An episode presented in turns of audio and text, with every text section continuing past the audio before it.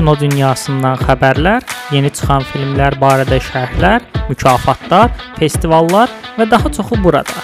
Filmat, sizin kino bələdçiniz. Salam əziz dinləyicilər, Filmatın podkast buraxılışlarına xoş gəlmisiniz. Biz yenə burdayıq. Mən Hacı Səfərov və Ceylan. Ceylan səni xoş gördük. Salam, xoş gördük. Keyfin, əhvalın necədir? Yaxşı. Yəni film baxımından hələ ki yaxşı gedir. Səndə necə? Mən son günlər biraz deyəsən biraz çox məşğul idim. Filmlər izləyə bilmirdim, amma bu şeyi biz bazar günü eləyirik. Bu bazar günü yəqin ki mən bir neçə film izləyib aradakı fərqi bağlamağa çalışacağam. Elə e, bu gün bizim dinləyicilərimiz üçün deyək ki, biz bu gün nədən danışacağıq? 4 dənə Oscar namizədi olan filmdən danışacağıq. Həm də bu filmlər 2020-ci ilin əsas önə çıxan filmlərdir. Bundan əlavə isə xəbərlərdən danışacağıq. Bir-iki xəbər var, onlar barəsində öz düşüncələrimizi bölüşəcəyik. İstəyirəm elə ən birinci e, Ceylan başlasın xəbərdən, daha sonra biz filmlərə keçərik. Ceylan, səndə hansı xəbərlər var? Məndə e, bu 1-2 gün əvvəl gördüyüm bir xəbər var idi Netflix barədə. Deməli 2019-cu ildə Knives Out adında film var idi, hansı ki əməlli başlı izlənmişdi, həm də sevilmişdi. Çünki bu cür filmlər dedektiv filmi idi, dedektiv komediya. Bu tür filmlər o qədər də çox ə, izlənmir, izlənsə də çox bəyənilmir. Yəni bu biraz tamam fərqli idi. Rejissorun gətirdiyi yenilik, yəni çox orijinal bir şey idi. Ona görə çox bəyənildi.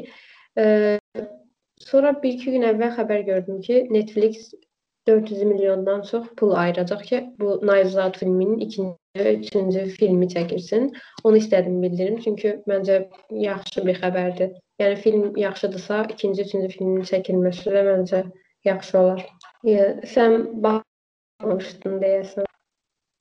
Yox, mən baxmamışam Knives Out, amma ki Netflix-in bu qədər böyük investisiya eləməyi, xüsusilə 400 milyondan çox investisiya eləməyi həqiqətən də burada böyük bir potensial olduğu gördüklərini göstərir. Yəni burada böyük bir potensial var. Ə, əslində qalsa izləyən insanların çoxu bəyənmişdi. Mənə də demişdilər izlə, izlə. Mən də həqiqətən planlarımda var idi, amma ə, niyə salınmamışdı? Məncə Netflix-in bu qədər böyük e, investisiya eləməyi, böyük pul yatırmağını sən necə dəyərləndirirsən filmin gələcəyi haqqında, ümumiyyətlə davam filmləri haqqında?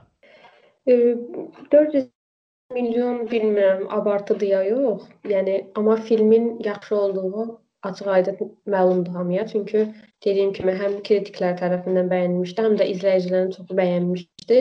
Ona görə əslində yaxşı bir şeydir ikinci, üçüncü filmin çəkilməsi, həm də Netflix tərəfindən çəkilməsi, amma büdcə baxımından çox bir şey deyə bilməyəcəm, çünki bilmirəm bu cür filmə 400 milyondan çox yatırılması normaldır ya yox.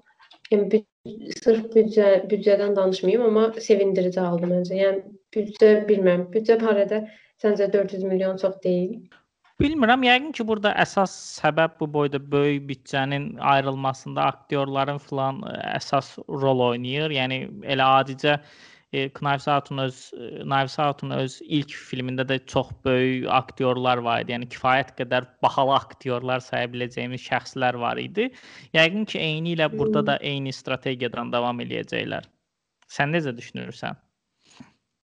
A, ola bilər. Yəni ağla batandır. Çünki sən demiş filmin ə, aktor, aktyor, aktrisa heyəti həqiqətən ulduzlardan ibarət idi. Ona görə yəqin ki, elə 400 milyondan çox olması o səbəbdəndir. Razıyam.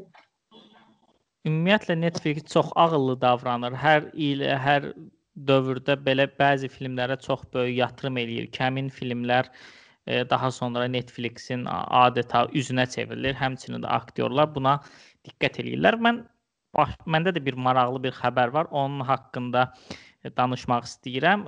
Variety-də bir xəbər çıxdı ki, ilk e, ilk Oscar nominasiyası e, filmlərdən ilk dəfə hansısa bir film NFT kimi satılacaq. Bu NFT nədir? Birinci e, bilməyənlər üçün bunu deyim ki, non-fungible tokendır. Bu artıq digital e, digital şəkildə əsərlərin kopyalarının çoxaldılması və digital sahibliyə əlaqəli olan məsələlərdir.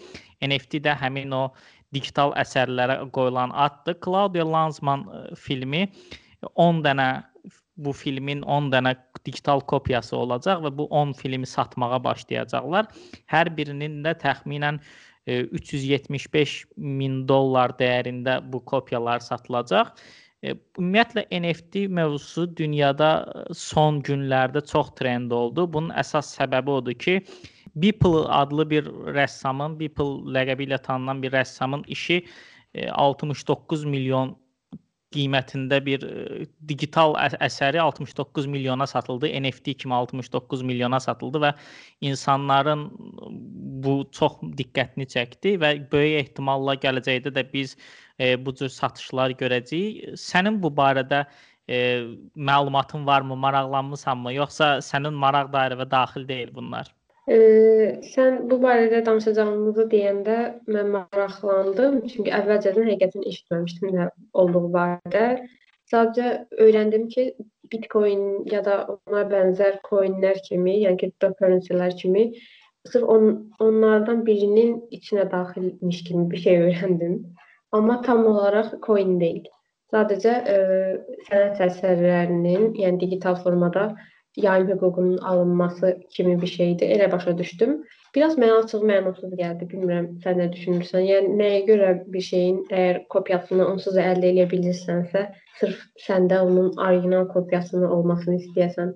Yəni o baxımdan biraz oxuduqca da daha da mənasız gəlməyə başladı. Sən nə düşünürsən? Ümumiyyətlə maraqlıdır mənə. Bu barədə mən nümunəni rəssamlıqla elə vermək istəyirəm. Yəni dinləyicilərimizə də daha aydın olsun. Məsələn, e, biz hansısa bir rəsm əsərinin istənilən kopyasını çıxardıb, printerdə çıxardıb gətirib evimizdə asa bilərik, amma həmin o əsərin bir də orijinal kopyaları olur. Orijinal kopyalar olur ki, həmin o orijinal kopyalar nisbətən daha nisbətən yox, əməlli daha baha olur. Bunu biz rəsm əsəri kimi düşünək. Yəni Mona Lizanı biz hər yerdə görə bilərik, amma bir dənə orijinal Mona Lisa var və həmin Mona Lisa Louvre-dadır. E, eyni ilə bu digital əsərlərdə də belədir. Bu digital əsərlərdə bu verilir və artıq onun müəllifi bir əsər kimi, bir rəsm əsəri kimi satılır və başqasına keçir. Bunun belə bir nümunə verə bilərəm ki, 10 dənə olması və ya 50 dənə olması bunu bildirir ki, həmin o rəssam bu digital əsəri hazırlayıbsa, o 50 dənə kopyasını satsa, bu hamısı 50 e, orijinal kopya sayılır və hamısı müəyyən bir dəyərə sahib olur. Bir növ artıq dünyamızda olan əsərlərin, dünyamızda digital olaraq yaradılan əsərlərin satış formatı kimi düşünmək olar. Düzdür, burada çox e, xırda nüanslar var. Bu necə təmin olunur, onun orijinal olduğunu necə bilirik və s. kimi e, buna maraqlı olanlar araşdırıb məncə öyrənə bilərlər. E, mövzumuz tam buna həsr eləməyək, amma e, dediyim kimi bir rəsm əsəri necə e, satılırsa və ilkin məsələn orijinal rəsm nə qədər bahadırsa, burada da eyni məntiq işləyir. Orijinaldır və orijinal olduğu üçün daha bahadır. Ümid edirəm ki, e, sənə daha bir aydın mənzərə canlandı gözünün qarşında. Aha, elədi, amma deyim ki, bunu Martin Scorsese eşitməsin, çünki o belə mövzularda biraz daha ə, konservativ düşüncəlidir. Ona görə onun qulağına gedib çatmasın. Martin Scorsese-yə mən baba kimi baxıram da, belə xoş günləri xatırlayıb hərdən iç çəkən baba kimi görürəm mən onu. Mən o hərdən elə rəylər verir. E, əslinə qalsa onun o cürünə düşünməyi, old school münasibəti maraqlıdır həqiqətən də. Yəni artıq dünya dəyişir, dünya transformasiyaya keçirir və e, artıq tamam ayrı istiqamətə keçirir. Martin Scorsese də elə görürsə, məncə ona da hörmət eləmək lazımdır. Böyük bir şəxsdir yəni. Belə bu mövzunu bitirdiksə, istəyirsənsə filmlərimizə keçə bilərik.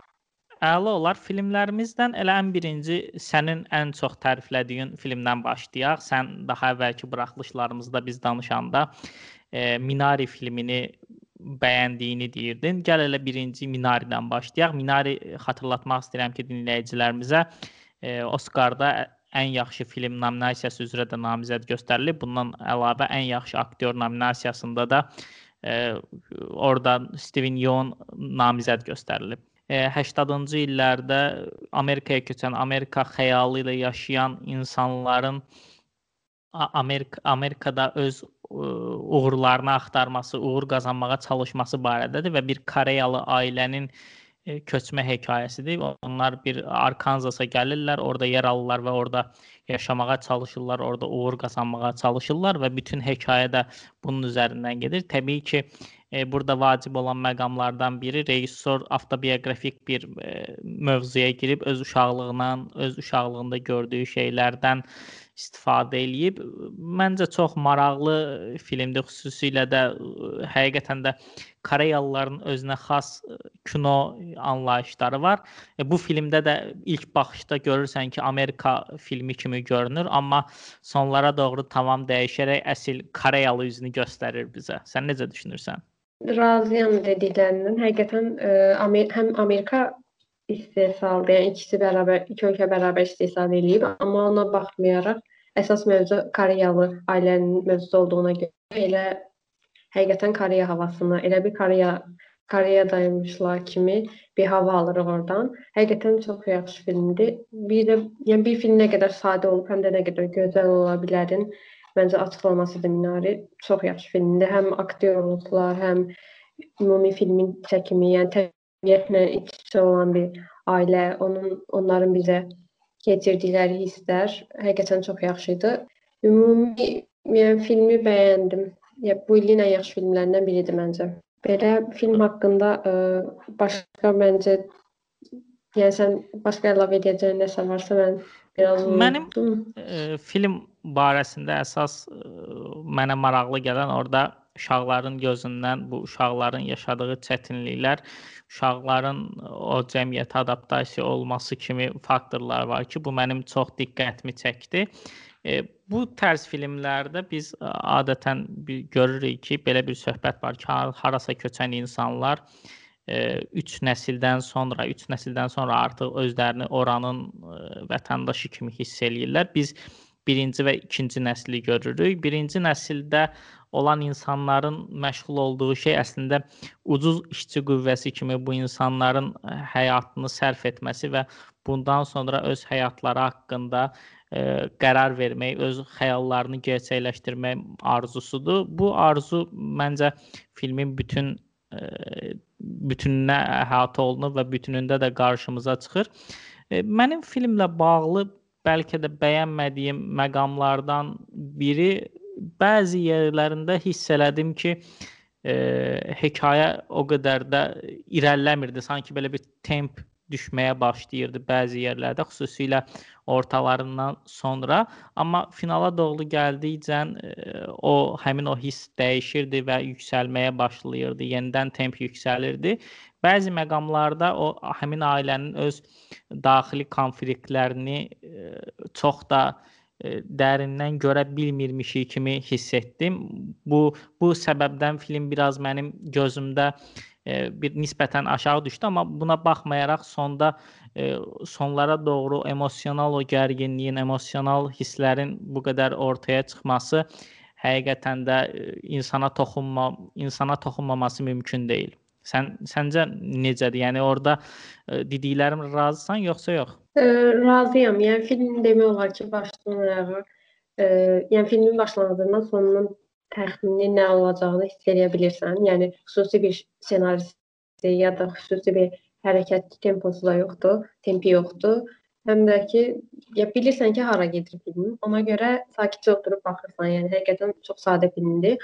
E, bu da sadə olub, amma bu qədər o hisslər keçirə bilməsi mənim xoşuma gəldi. Yəni sonlara doğru getdikcə daha da ailənin ə, sıxıntılarına şahid olurduq. Getdikcə, yəni bil, biz baxırdıq düzdür, bilirdik hara doğru gedir, amma yenə də fikirləşirdik ki, görəsən bundan sonra nə eləyə bilərlər, bundan sonra nə düşünəcəklər, nə, necə hiss edəcəklər.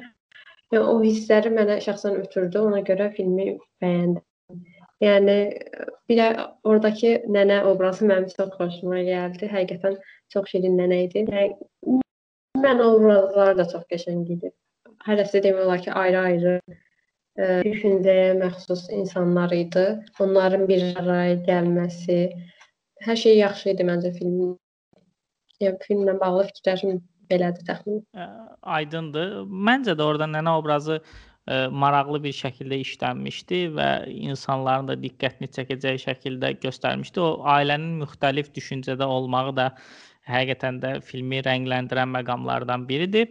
Xüsusilə də bu ətrafda xristian cəmiyyətlə olan münasibətləri filan da maraqlı göstərilmişdi. O insanlar kilsəyə gedirlər və s. Hə siz də xristiansınız filan ayağa dururlar və s. bu bu səhnələr biraz gülməli və eyni zamanda da maraqlı işlənmişdi. İstəyirsənsə sən öz seçdiyin filmdən danış və keçək növbəti filmə. Aha. Mənim ilk danışmaq istədiyim film e, Chicago 7-lisi filmidir. 2020-ci ilin filmidir və Oskara ən yaxşı film, yəni bir neçə namizədliyi var. Filmin ümumi mövzusunu deyim ki, ümumi mövzu 1968-ci ildə e, Amerikada Demokratik Partiyanın qurultayı keçirilir. Həmin qurultayda e, Vyetnam müharibəsinə qarşı olan bir minlərlə protestocu olur. Həmin protesto edən insanların arasından e, 7 nəfər həbs olunur. Çünki polislər düşünür ki, həmin 7 nəfər bu qədər insanı bir araya yığıb və əsl məqsədləri, yəni e, sakitcə dinc e, protesto deyil, aranı qatmaqda. Halbuki əslində elə deyildi. Nəsə həmin 7 nəfər tutulurlar. Sonradan bu 7 nəfərə Chicago 7-lisi adı verilir. E, burdan sonra deməli filmin əsas mövzusu olan məhkəmə prosesi başlayır. Ümumi belədir mövzu. Mənim film filmlə bağlı bəyəndiyim, bəyənmədiyim ə, məqamlar deyim. Filmlə bağlı bəyəndiyim məqam odur ki, ümumi bir çox filmdə ə, yəqin ki, razı olarsan ki, məhkəmə prosesləri bir qədər sıxıcı keçir mənə elə gəlir. Yəni normalda məhkəmə prosesinə baxanda temp aşağı düşmüş olur, amma Aaron Sorkin ə, həm ssenarist, həm rejissor Bundan əvvəlcə onsuz da ə, nə qədər yaxşı ssenarilər olduğu məlumdur məncə. Burada da ssenarini özü yazıb. Ssenarinin ə, həqiqətən özünə məxsus ə, nə qədər özünə məxsus olduğunu göstərmiş olubdu. Çünki Aaron Sorkin ssenarilərində çox vaxt dialoqlar, ümumi ssenarinin bir tempi olur ki, o temp burada da məhkəmə prosesində də özünü göstərir. Yəni bir bir bir an dayana bilmirsən.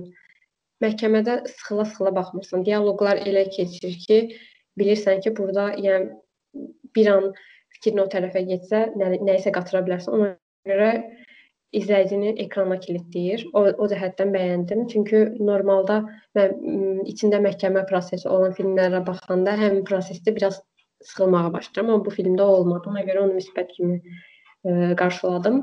Başqa aktyorlar həqiqətən çox yaxşı idi. Əsas da bu Chicago 7-lisinin vəkilləri, məsələn, vəkili çox yaxşı idi. Bir də hakim rolunu oynayan aktyor həqiqətən mükəmməl oynamışdı rolunu. Çünki hakimə, yəni film boyu mən hakimə nifrət eləmişdim. Ondan sonra bildim ki, həqiqətən sırf aktyorun ə, həm üz, üz quruluşu, həm də ümumən aktyorluq qoymuş səndimi onu eləyən. Ona görə dialoqlara görə də həqiqətən Aaron Sorkinə 5 düşür. Yəni həqiqətən çox yaxşı idi. Belə ssenarisi də çox yaxşı idi. Filmin ritmi də çox yaxşıdır, amma bəyənmədiyim bir-iki məqam oldu ki, e, deməli bəyənmədiyim e, bir neçə məqamdan biri də o idi ki, Aaron Sorkinin məncə e, bu filmlə bağlı ən böyük problemi o idi ki, e, dialoqları elə şəkildə yazmışdı ki, real həyatda məncə dialoqlar o şəkildə olmur. Yəni nəzərə alsaq ki, söhbət məhkəmə prosesindən gedir. Yəni sən məhkəməyə çıxmısansa, məhkəmədə sənin nəbzin yuxarıdırsa, həyəcanlanırsansa, bu bu cür danışmamalısan. Biraz daha həyəcanlı şəkildə danışmalısan. Amma Aaron Sorkin sanki onların professional ya illərdir məhkəməyə çıxırlarmış kimi dialoq yazmışdı onlara. Mənim biraz bəyənmədiyim o e, məqam on, o oldu ki, dialoqları daha e, sərbəst şəkildə yaza bilərdi. Başqa filmlə bağlı elə bəyənmədiyim bir-iki məqam vardı ki, onları dedim. Başqa bəyənmədiyim bir şey yox idi. Ümumi yaxşı film idi. Həqiqətən məhkəmə prosesini çox yaxşı şəkildə ələ almışdı. Yəni ssenari baxımından həqiqətən 5 düşürmən elə gəlir. Yaxşı film idi. Sən nə düşünürsən? Mən də düşünürəm ki, film sürükləyici bir filmdir və izləməyə həqiqətən də zövqlüdür. Xüsusilə də dövrün atmosferini göstərməsi baxımından, dövrün siyasi konjunkturasını açıqlaması baxımından da insanların xüsusilə də siyasi hakim dairənin bu insanlara qarşı olan münasibətini göstərməyi baxımından çox vacibdir. Xüsusilə 68-ci il bu hippi hərəkatı və bir çox şeylərlə dönüm nöqtəsidir desək yeridir. Burada həmin ildə hippilər filan aktiv şəkildə müharibəyə qarşı çıxıblar, aktiv şəkildə bunu etiraz eləyiblər və həmin dövrdə yaşananları, həmin dövrün intellektuallarını və digər şəxsləri də biz burada görürük. Məsələn, biz orada bitnikləri görürük və bu bitniklər, bu bitnik yazıçılar, şairlər filan da e, protesto eləyənlərə qoşulurlar. Bu həqiqətən də dövrü anlamağımız üçün bizə müəyyən qədər işıq tutur. Bundan əlavə e, sənin dedikləri və əlavə olaraq bir şey deyim ki, bu film Aaron Sorkin'in yazdığı bu ssenari ən yaxşı ssenari, ən yaxşı orijinal ssenari nominasiyasında Oskara namizəd göstərilib və həmin nominasiya üzrə ən favorit filmlərdən biridir. Görək Aaron Sorkin nə edəcək, qələbə qazana biləcəkmi? Məsələn, Aaron Sorkin'in daha əvvəl yazdığı Social Network filmi var ki, David Fincher üçün yazdığı ssenaristini yazdığı bir filmdir. O, o filmdə də həqiqətən də e, dialoqlar falan xeyli önə çıxırdı. Burada da demək olar ki, öz tərzini qoruyub. Mənim film barəsində düşündüklərim əsasən bundan ibarətdir ki, bu filmdə e, o dövrü göstərməkdən əlavə bəzən sənədli kadrlara, bəzi sənədli nümunələrə nümunələr göstəriblər ki, bu çox yaxşı idi. Həqiqətən də həmin dövrün içinə girməyimizi, həmin insanları anlamağımızı e, anlamağımıza imkan yaradırdı. Məncə filmi izlədiyim zaman filmə düşündüm ki, belə lap belə ayılıb bayıldığım bir film deyil. 10 üzərindən 7 7.5 dəyərləndirmişdim. Yəni özdə ilk çıxdığı vaxtlarda elə izləmişdim. Üstündən bir xeyli keçsə də hələ də beynimdə müəyyən qədər yer tutubsa, məncə uğurlu film öz adıma deyə bilərəm ki, uğurlu filmdir. Mən məncə də yəni sırf ə, məhkəmə zalında keçən filmlər filmlərdən danışsaq, mənim də mənə görə də yadda qalan film idi. Yəni həm mövzu mövzusuz onsuz da bilinən mövzudur. Yəni ona həmin mövzuya işıq tutduğu üçün uğurlu film saymaq olar. Ümumi Oskar filmlərindən desəm, bəlkə də aralarında e, qoy düşünüm görüm. Hə, demək olar ki, aralarında ən az sevdiyim film oldu, amma o demək deyil ki, film pisdir, yoxsa digərləri məncə daha yaxşı filmlərdir. Belə. İstəyirsənsə, sən e, ikinci filminə keç. Əla. E, Chicago yeddilisinin məhkəməsindən danışdıqsa, indi növbəti filmdən danışıram, hansı ki bu filmi Hı -hı. Daha əvvəl e, dəfələrlə danışmısan bu haqqda. Mən də e, bu film haqqında e, təriflər və eşitmişəm və qərara gəldim ki, bu filmi izləyim. Onsuz da əsas yarışmada da ən yaxşı film nominasiyasında da göstərilib. Söhbət Promising Young Woman-dan gedir.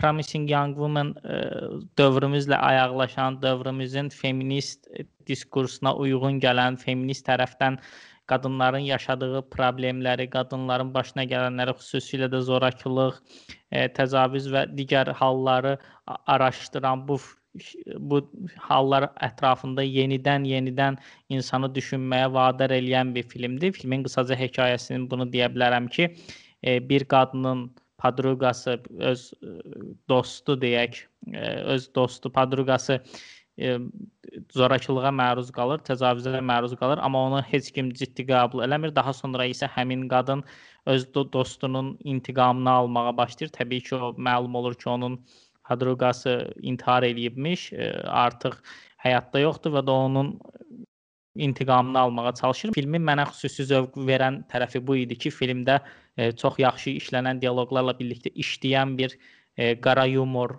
var idi. Burada hadisələrə biraz fərqli baxış bucağı gətirirdilər və bunun üzərindən də özlərinə xas bir yumor dili formalaşdırmışdılar ki, bu filmi e, izləməkdə bizə kömək eləyirdi.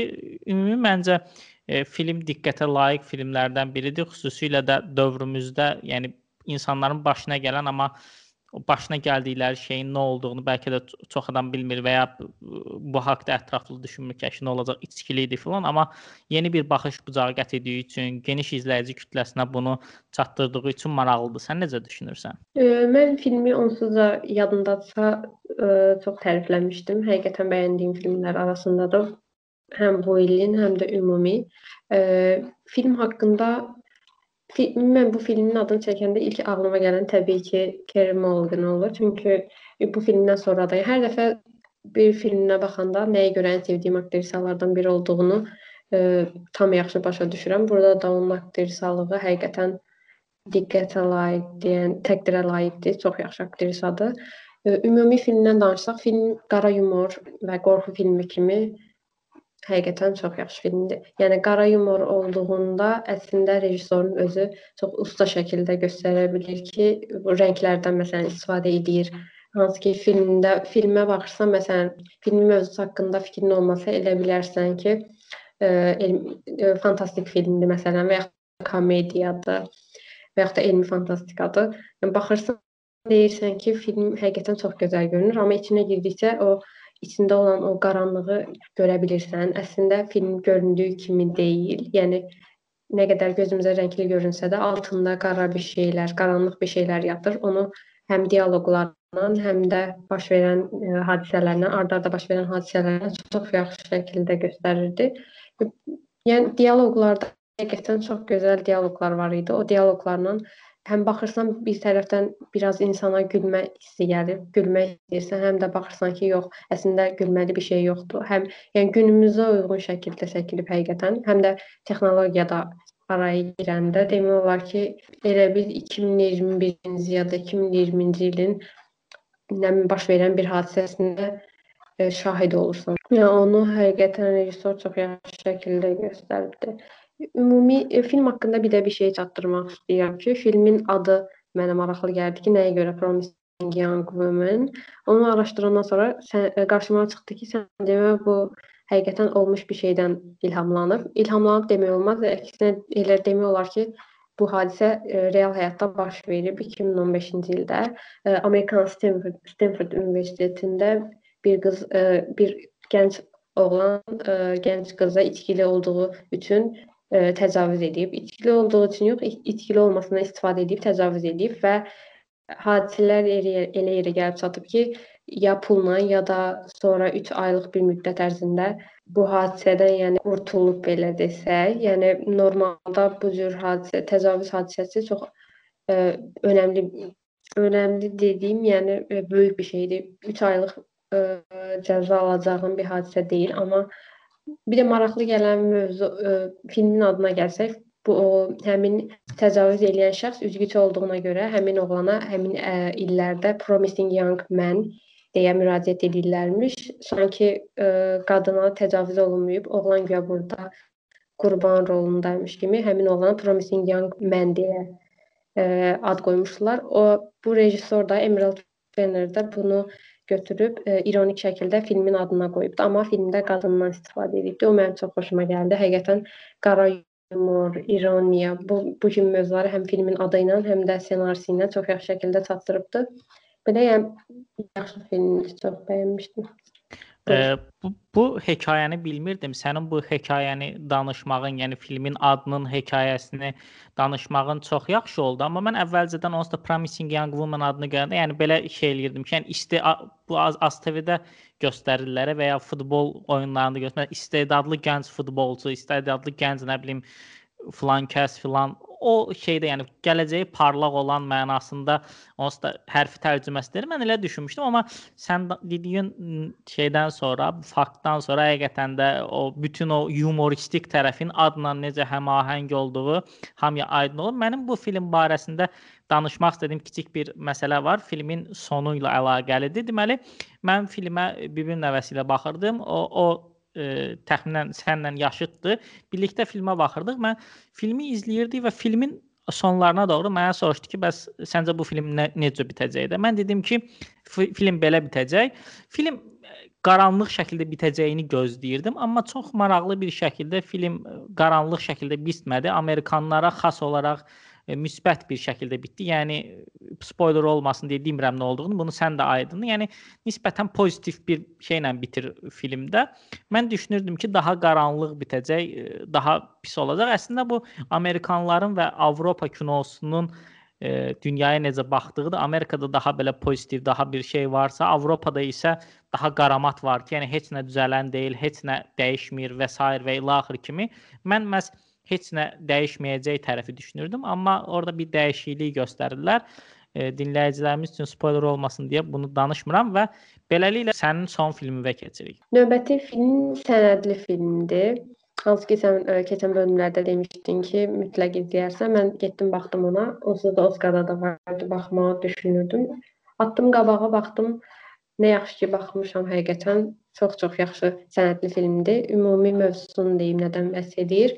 Ümumi mövzu 2015-ci ildə oktyabrda ə, Rumıniyanın paytaxtı Buxarestdə bir hadisə baş verir ə, kollektiv adında bir gecə klubu olur. Həmin gecə klubunda bir qrup, ə, metal qrupu konsert ver verdiyi vaxtda orada pirotexnika gətirdik gətirdiklərinə görə yanğın baş verir. Həmin yanğında yəni klubda yanğın çıxışı olmadığına görə insanlar panikaya qapılır. Çünki çıxmaq istəyirlər normal olaraq, amma çıxa bilmirlər. Çalışsalar da bir çoxu bacara bilmir.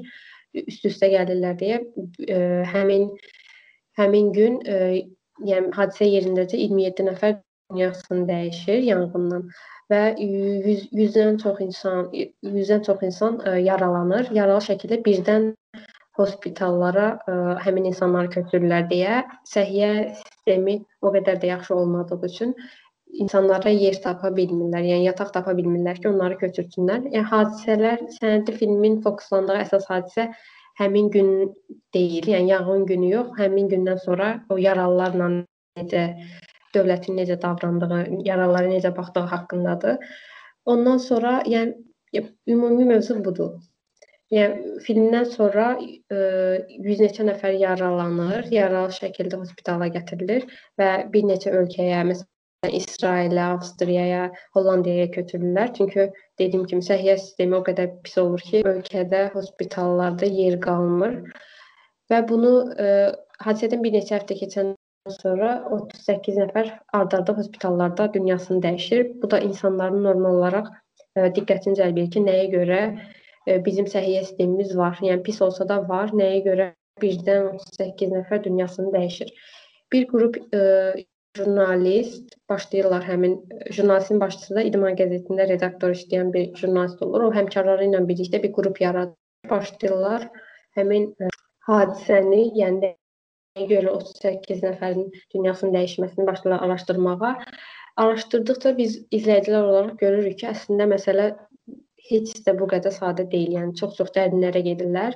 Dərinlərə getdikcə Rumıniya dövlətinin insanlara yalandan panikaya düşməməsini, nə bilim, güya ki ə, həmin yaralılar elə əllərdədir ki, güya ki bir neçə həftə sonra düzələcəklər, bir neçəsi evə buraxılacaq. Halbuki vəziyyət bu cür deyilmiş. Sən demə Hex Pharma adında bir dərman şirkəti olur. Onlar pul qazanmaq üçün ə, bir neçə dezinfeksiya maddələri olur. Onları sən demə pul qazanmaq üçün ə, mayeləşdirirlər, yəni durulaşdırırlar. Bunun nəticəsində də yar yaralı insanlar ə, infeksiyaya qapılır və infeksiya nəticəsində dünyasını dəyişirlər. Bunu əslində filmin başlanğıcından bilmək olmur. Getdikcə, yəni yavaş-yavaş həmin o jurnalistlər ə, araşdırırlar. Yəni biz bu film sənədli filmdə araşdırması jurnalizmin nə qədər önəmli olduğunu görmüş oluruq. Hansı ki bizim ölkəmizdə o qədər də inkişaf eləməyib. Amma bu Rumıniya kimi ölkədə belə bir jurnalistlərin olması insana ən azından biraz ürəyinə od səpirdi. Mən baxdıqca film filmi sadəcə sənədli film kimi yox, həm də bədii film kimi də bəyəndim. Yəni elə bir biraz oradan ab-havanı aldım ki, sanki bədii filmə baxıram. Çünki bəzi səhnələri var idi. Orada ə, yanğından qurtulmuş insanların həyatına da biraz toxunurdu. Çox yaxşı sənədli film idi. Yaxşı ki, baxmışam. E, bir ölkən bir ölkə nə qədər korrupsiyaya bulaşa bilərsə, yəni onu sənədli film həqiqətən çox yaxşı şəkildə göstərmişdi. Sənin düşüncələrin nədir? Ə, mən sənin dediklərinə qatılıram. Bu filmi mən izləyəndə dəhşətə düşmüşdüm. Ona görə dəhşətə düşmüşdüm ki, insan həyatı bürokratiyanın, dövlətin əlində, yəni gözündə bu qədər dəyərsiz olmamalıdır. İşin ən pis tərəfi odur ki, xatırlatma edim ki, mən 2020-ci ilin 10 ən yaxşı filmində bu filmi e, salmışdım siyahıma və orada bunu demişdim ki, yəni bu filmi e, məni pis eləyən tərəf odur ki, burada olan şeylər çox rahatlıqla bizim də ölkədə baş verə bilər və bizim də başımıza belə şeylər gələ bilər. İnsanı ən çox narahat eləyən məqam da elə budur ki, səhlənkarlıq, insan həyatının heçə sayılması, korrupsiya, ümumiyyətlə bu korrupsiyanın bütün dövlət orqanlarında geniş yayılması nəticəsində insanlar həqiqətən də əzab çəkirlər, e, həyatlarını itirirlər, onun ətrafına həyatlarını itirən şəxslərin yanında olanlar da əzab çəkirlər və bu tərz problemlər qarşı, qarşımıza çıxır. Təbii ki, burada jurnalistika baxımından son illərin ən yaxşı jurnalistika barəsində olan sənədli filmlərindən biri olduğu şübhəsizdir. E, hətta Oskarda da ən yaxşı sənədli film nominasiyasında yəqin ki, qalib gələcək. Çünki bütün ölkənin bir hadisədən yola çıxaraq bütün ölkənin necə korrupsiya bulaşdığını aşağıdan yuxarıya doğru pillə-pillə insanların e, necə bu çirkabın içində yaşadığı, bu çirkabın içində ölməməyə çalışdıqları barəsindədir. Sənin dediyi dediklərinə əlavə olaraq mən bütün e, hekayəni danışmaq istəmirəm, amma hekayədə maraqlı məqamlardan biri budur ki, hekayədə e, nə isə dəyişməyə çalışan insanlar var, amma bu insanların cəhdləri də boşa çıxır. Əslində bu tərəfi də Azərbaycan üçün biraz səciyyəvidir. Çünki biz idealist insanlar görürük ətrafımızda, nə isə dəyişmək istəyən, nə üçünsə çalışan insanlar görürük, amma onlar e, qatılaşmış bürokratiyanın qarşısında heç bir şey dəyişmək istəməyən, statik həyatdan zövq alan və başqalarını vecinə almayan insanların qarşısında həvəsləri qırılır, sönürlər və ölkəyə dair bütün ümidlərini itirib ölkəni tərk edirlər. Təəssüf ki, eynisi bizim ölkəmizdə də var və bu Rumuniyada da demək olar ki, vəziyyət eynidir. Hətta orada biz bir nazir görürük ki, o xaricdə təhsil alıb daha sonra ölkəsini düzəltmək üçün gəlir, amma bu barədə də uğursuzluğa uğrayır. Təəssüflər olsun ki, bizim yaşadığımız coğrafiya, bizim yaşadığımız yerlərdə də eyni problemlər var və ancaq buna ümid etmək olar ki, bizim ölkəmizdə belə bir faciəvi bir şey baş verməsin, yoxsa insan həqiqətən də inanmaq, yəni güvənə bilmir ki, İraq, İraq belə bir şey olsa bizim halımız necə olar? Yəni insan həqiqətən də e, bu neqativ şeyləri düşünmək istəməsə belə ağlının ucundan müəyyən qədər keçir. Sən səndə oldumu bu hisslər yoxsa e, ölkə barəsində təəssübkeş olan təkcə mən özüməm belə ya da daha çox qaramat olan deyək. E, hacı inan Səndən daha qaramat olan mənə elə gəlir ki, mənəm. Çünki e, sənədli filmə baxanda həqiqətən öz ölkəmiz istər-istəməz yadıma düşürdü. Çünki fikirləşirdim ki, hələ burada belədirsə, burada ən azından e, yəni Rumuniyada ən azından bir qrup insan buna ə, e, cəhd eləyirsə, bunu ən azından az da olsa bacara bilirsə, hə, bizdə o şey də mümkün olmayacaq güman ki. Ona görə ölkəmizlə paralel eləyirlərsə ki, fikirləşirdim ki, ümid edirəm ki, bizdə belə bir hadisə baş verməz. Çünki həqiqətən baş versə, yəni çox ürək ağrıcı bir şeydir ki, təsəvvür elə belə bir faciəvi bir şey baş verir və sən həmin ana qədər güya ki, bilmirsən ki, ölkəndə səhiyyə sistemi nə qədər bərbaddır. Yəni Rumuniyadakı baş verən şey də məncə bu idi. Yəni insanlar ya bilmirdi, ya da bilirdisə görməzdən gəlirdilər ki, ölkəmizin səhiyyə sistemi, nəinki səhiyyə sistemi, dövlət qurumlarının bir çoxu korrupsiyaya o qədər bulaşıb ki, yəni belə bir faciəvi hadisə baş versə, biz bundan çox böyük təsirlənəcəyik. Bizdə də belədir. Bilmirəm, sırf bu ölkədə yaşadığıma görədir, yəni bizdə paralellər olduğuna görədir bu qədər çox təsirləndi filmdən, yoxsa elə Mənə elə gəlir ki, normalda, yəni sistemi bizimkinə bənzəməyən ölkələr, ölkə vətəndaşları bu ə, sənədli filmə baxıb təsirlənə bilərlər. Amma ki, bizim kimi ölkələrdə daha çox, yəni təsiri mənə elə gəlir daha çox olur. Çünki gərək ki, bizdə də belə bir şey baş verə bilər. Baş versə nə olar?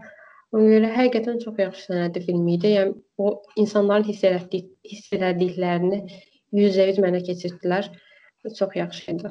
Qaramat notlarla bu dəfəki buraxılışımızı sonlandırırıq. Biraz neqativ şeylərdən danışdıq, amma olsun, bu neqativdən danışmaq lazımdır ki, müsbətə gedən yolları tapaq. Mənim deyəcəklərim bu qədər idi. Sənin demək istədiyin bir şey varsa əlavə elə, yoxdursa bitirək. E, nə qədər qaramat olsaq da, ən azından e, gələcəyə müsbət baxa bilərik deyə düşünürəm. Bəlkə Belə ümumi deyəcəklərim mənim də bu qədər. Ümid eləyirəm ki, yaxşı ə, bir bölüm olundu. Belə. Mən də ümid edirəm bizi dinləyənlərə təşəkkür eləyirəm və deyəcəklərim bu qədər idi. Özünüzə yaxşı baxın. Hələlik. Hələlik.